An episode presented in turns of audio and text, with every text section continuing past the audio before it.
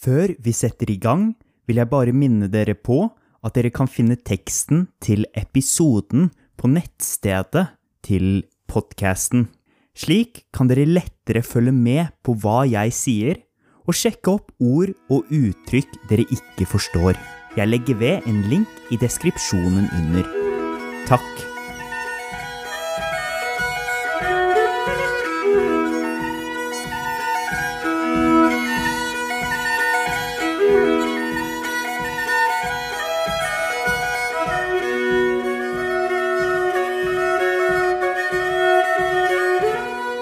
Hva skjer med kroppen når man akselererer?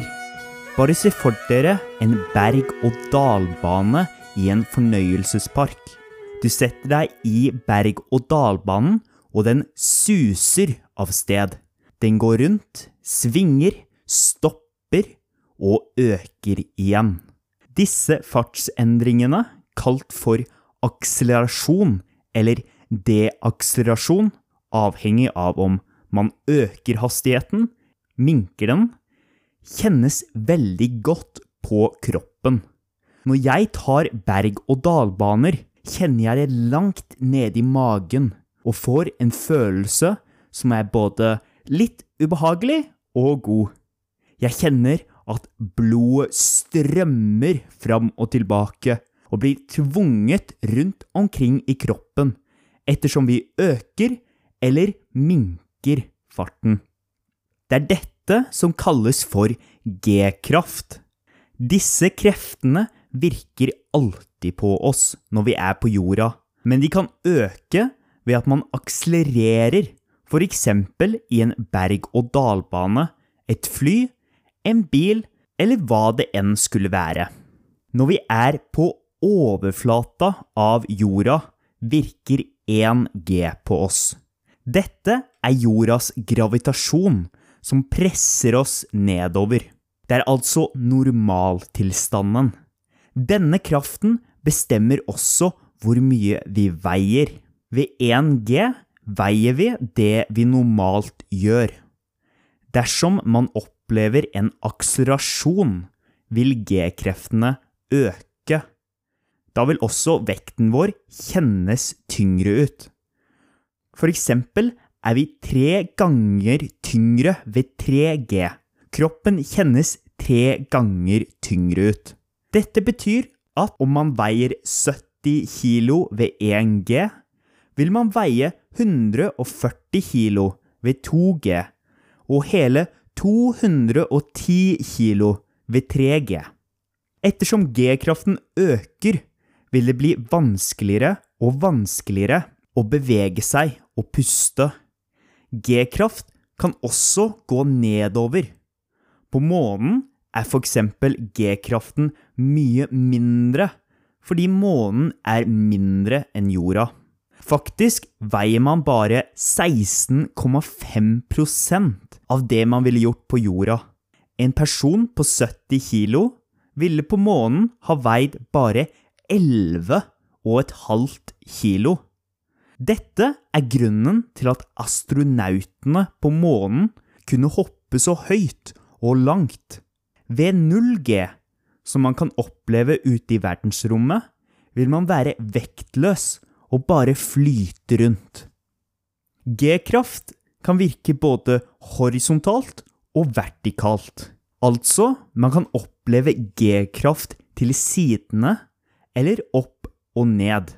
Mennesker tåler mye bedre G-kraft på sidene, horisontalt, enn opp og ned, vertikalt.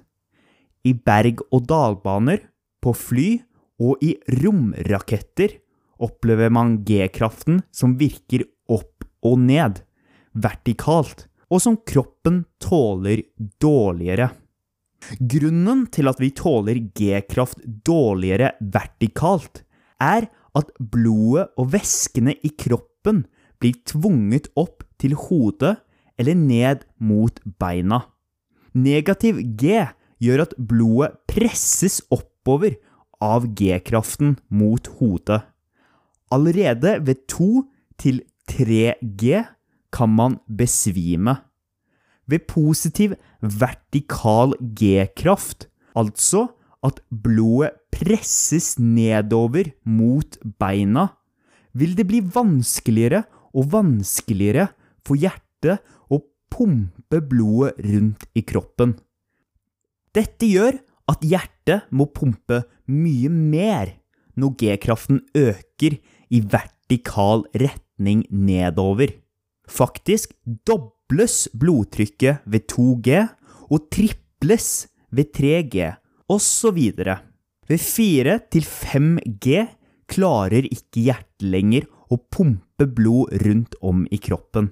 Det er for tungt for kroppen. På dette tidspunktet vil man miste evnen til å se, ettersom man ikke har nok blod i hodet.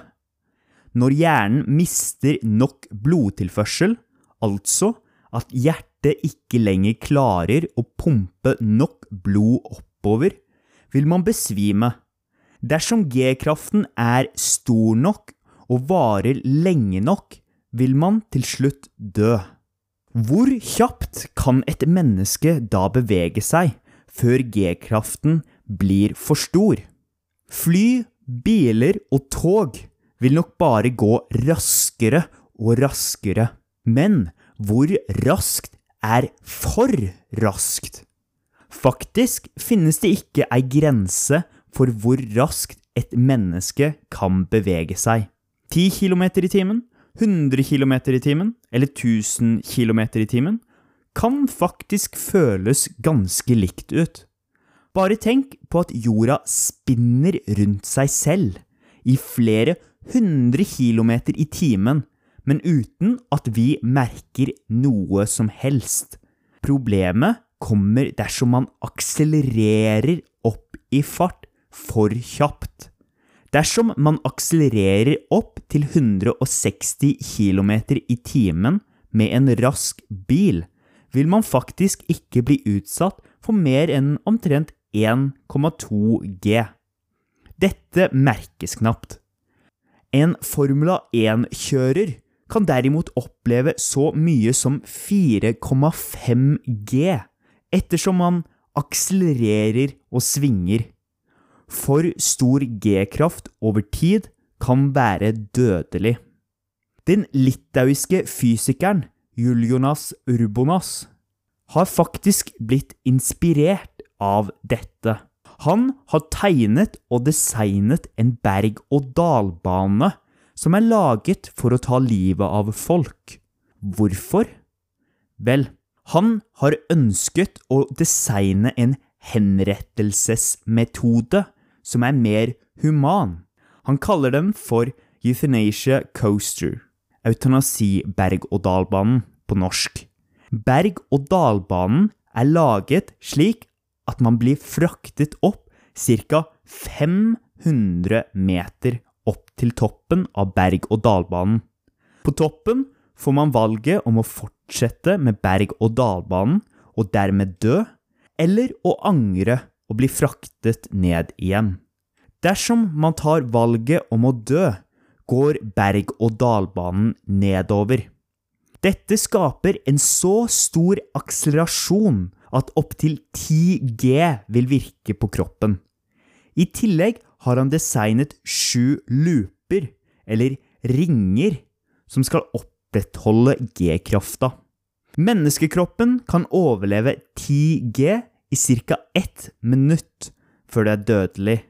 Bare tenk at 10 G vil si at kroppen veier ti ganger mer enn vanlig. Berg-og-dal-banen vil utsette kroppen for 10 G lenger enn dette, og dermed drepe de som er med. Hvorfor er dette mer humant?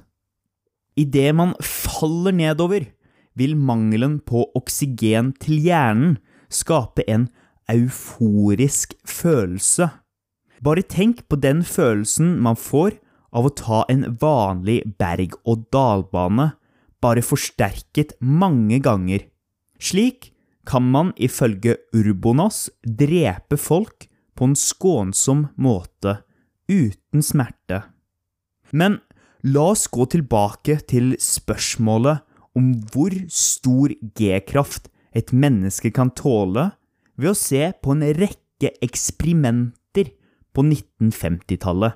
Etter andre verdenskrig var det en amerikansk fysiker og jagerpilot som ønsket å finne ut av hvor mye G-kraft et menneske kunne tåle.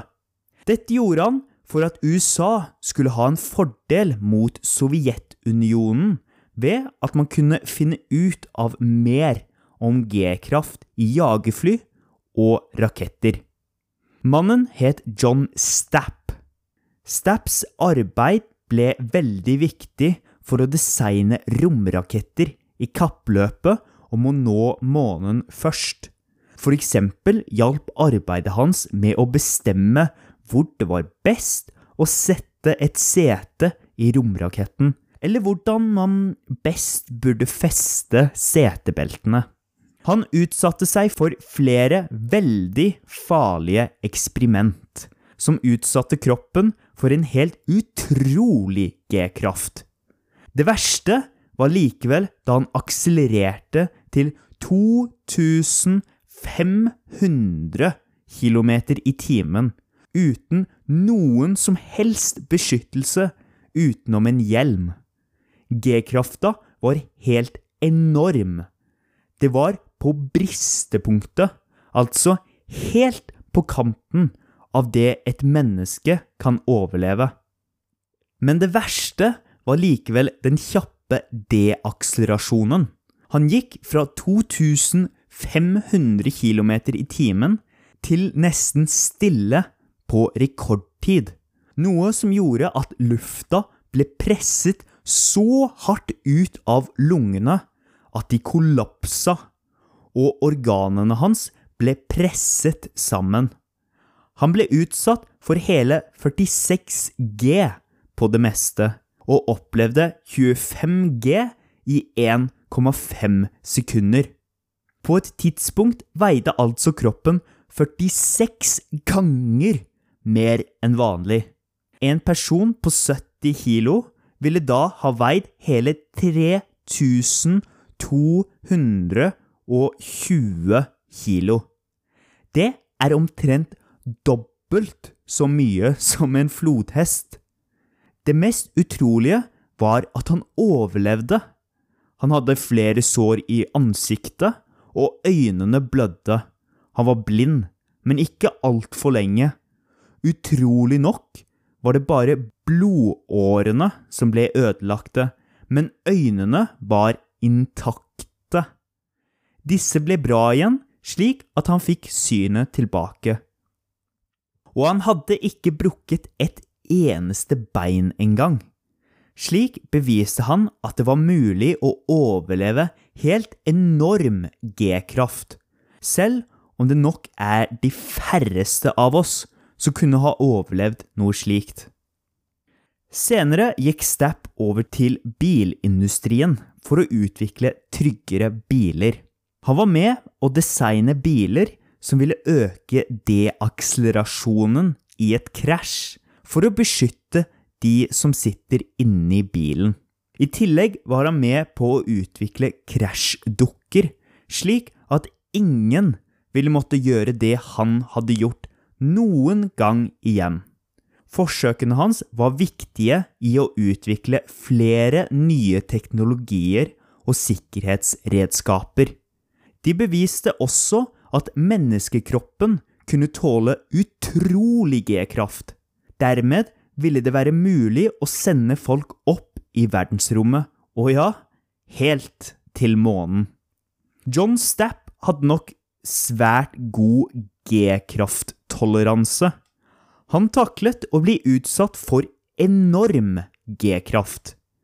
Likevel er det individuelt hvor stor G-krafttoleranse man har. Noen tåler G-kraft bedre enn andre. Toleransen for G-kraft er noe man kan trene opp slik at man tåler G-kraft bedre. For eksempel må jagerflypiloter og astronauter trene seg opp til å tåle stor G-kraft, slik at de ikke besvimer. Å besvime av G-kraft er ikke farlig i seg selv, men dersom man besvimer mens man flyr et jagerfly, kan det være dødelig. Bare tenk å besvime i et fly som går over 1000 km i timen. G-krafttoleranse avhenger av alder og den fysiske formen personen er i. En som er bedre fysisk trent, vil tåle mer G-kraft enn noen som ikke er det. Likevel er G-krafttoleranse noe man kan trene seg opp til. Personer som ikke har trent seg opp til å tåle større G-kraft, og som ikke er topptrent, vil normalt besvime fra 4G til 6G. Vanlige berg-og-dal-baner går derfor sjeldent over 3G, for å hindre at de som sitter inni, skal besvime. En person som er i god fysisk form, og som har trent på å takle G-kraft, kan ved hjelp av en G-drakt takle 9G uten å besvime. Dette er derimot ikke lett å opprettholde lenge. Disse personene tar i bruk pusteteknikker som hindrer for mye oksygentap i hodet. Ved å ta i bruk disse teknikkene er det mindre sannsynlig at man besvimer. Bruken av G-drakt hjelper også. G-drakter brukes av både jagerflypiloter, astronauter og andre som blir utsatt for sterk G-kraft.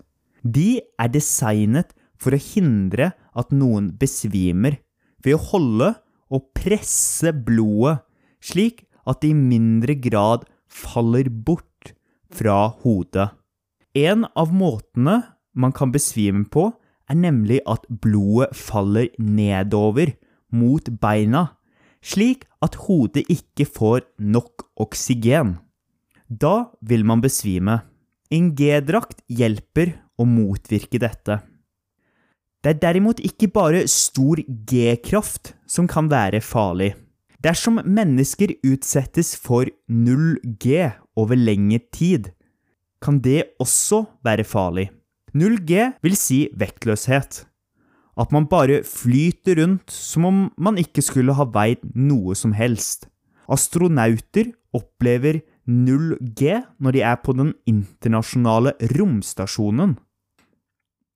En av de første effektene man føler, er SAS, som står for Space Adaptation Syndrome. Når kroppen er vektløs, må kroppen omstille seg. Dette er spesielt vanskelig for balansesystemet, som ikke alltid klarer å omstille seg fullt. Resultatet er da kvalme, svimmelhet, vondt i hodet og slitenhet. 45% av folk som reiser i verdensrommet, opplever SAS.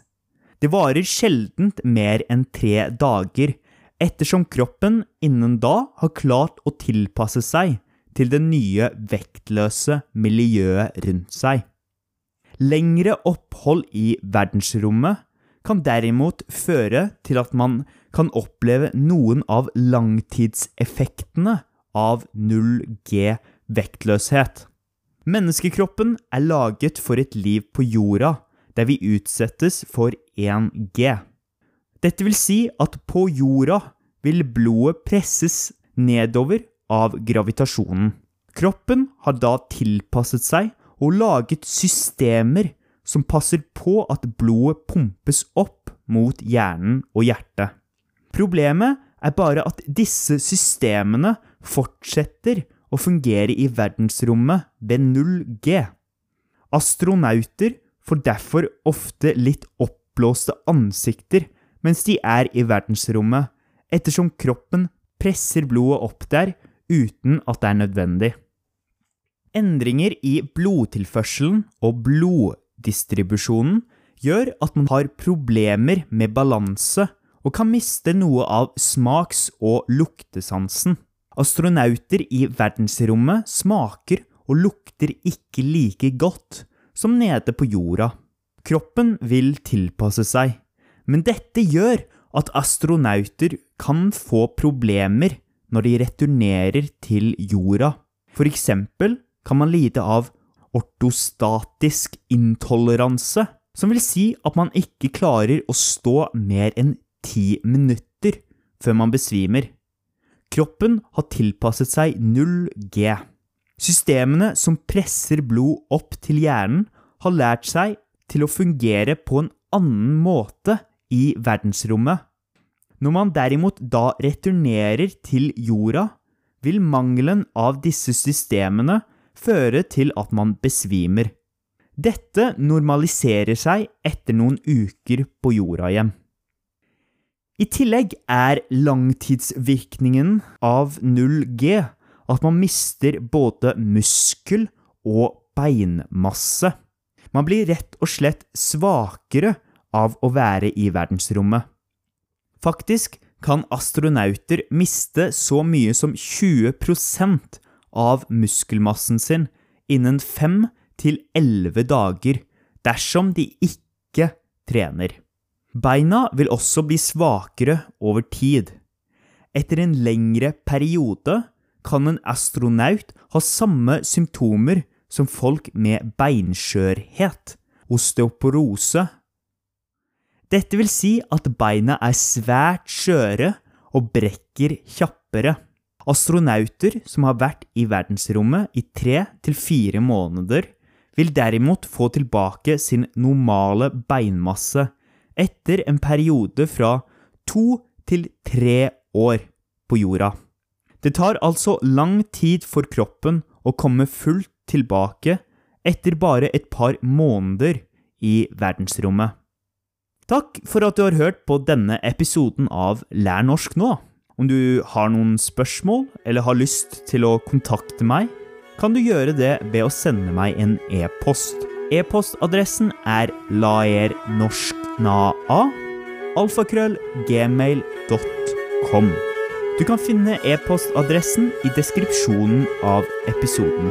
Ha det bra!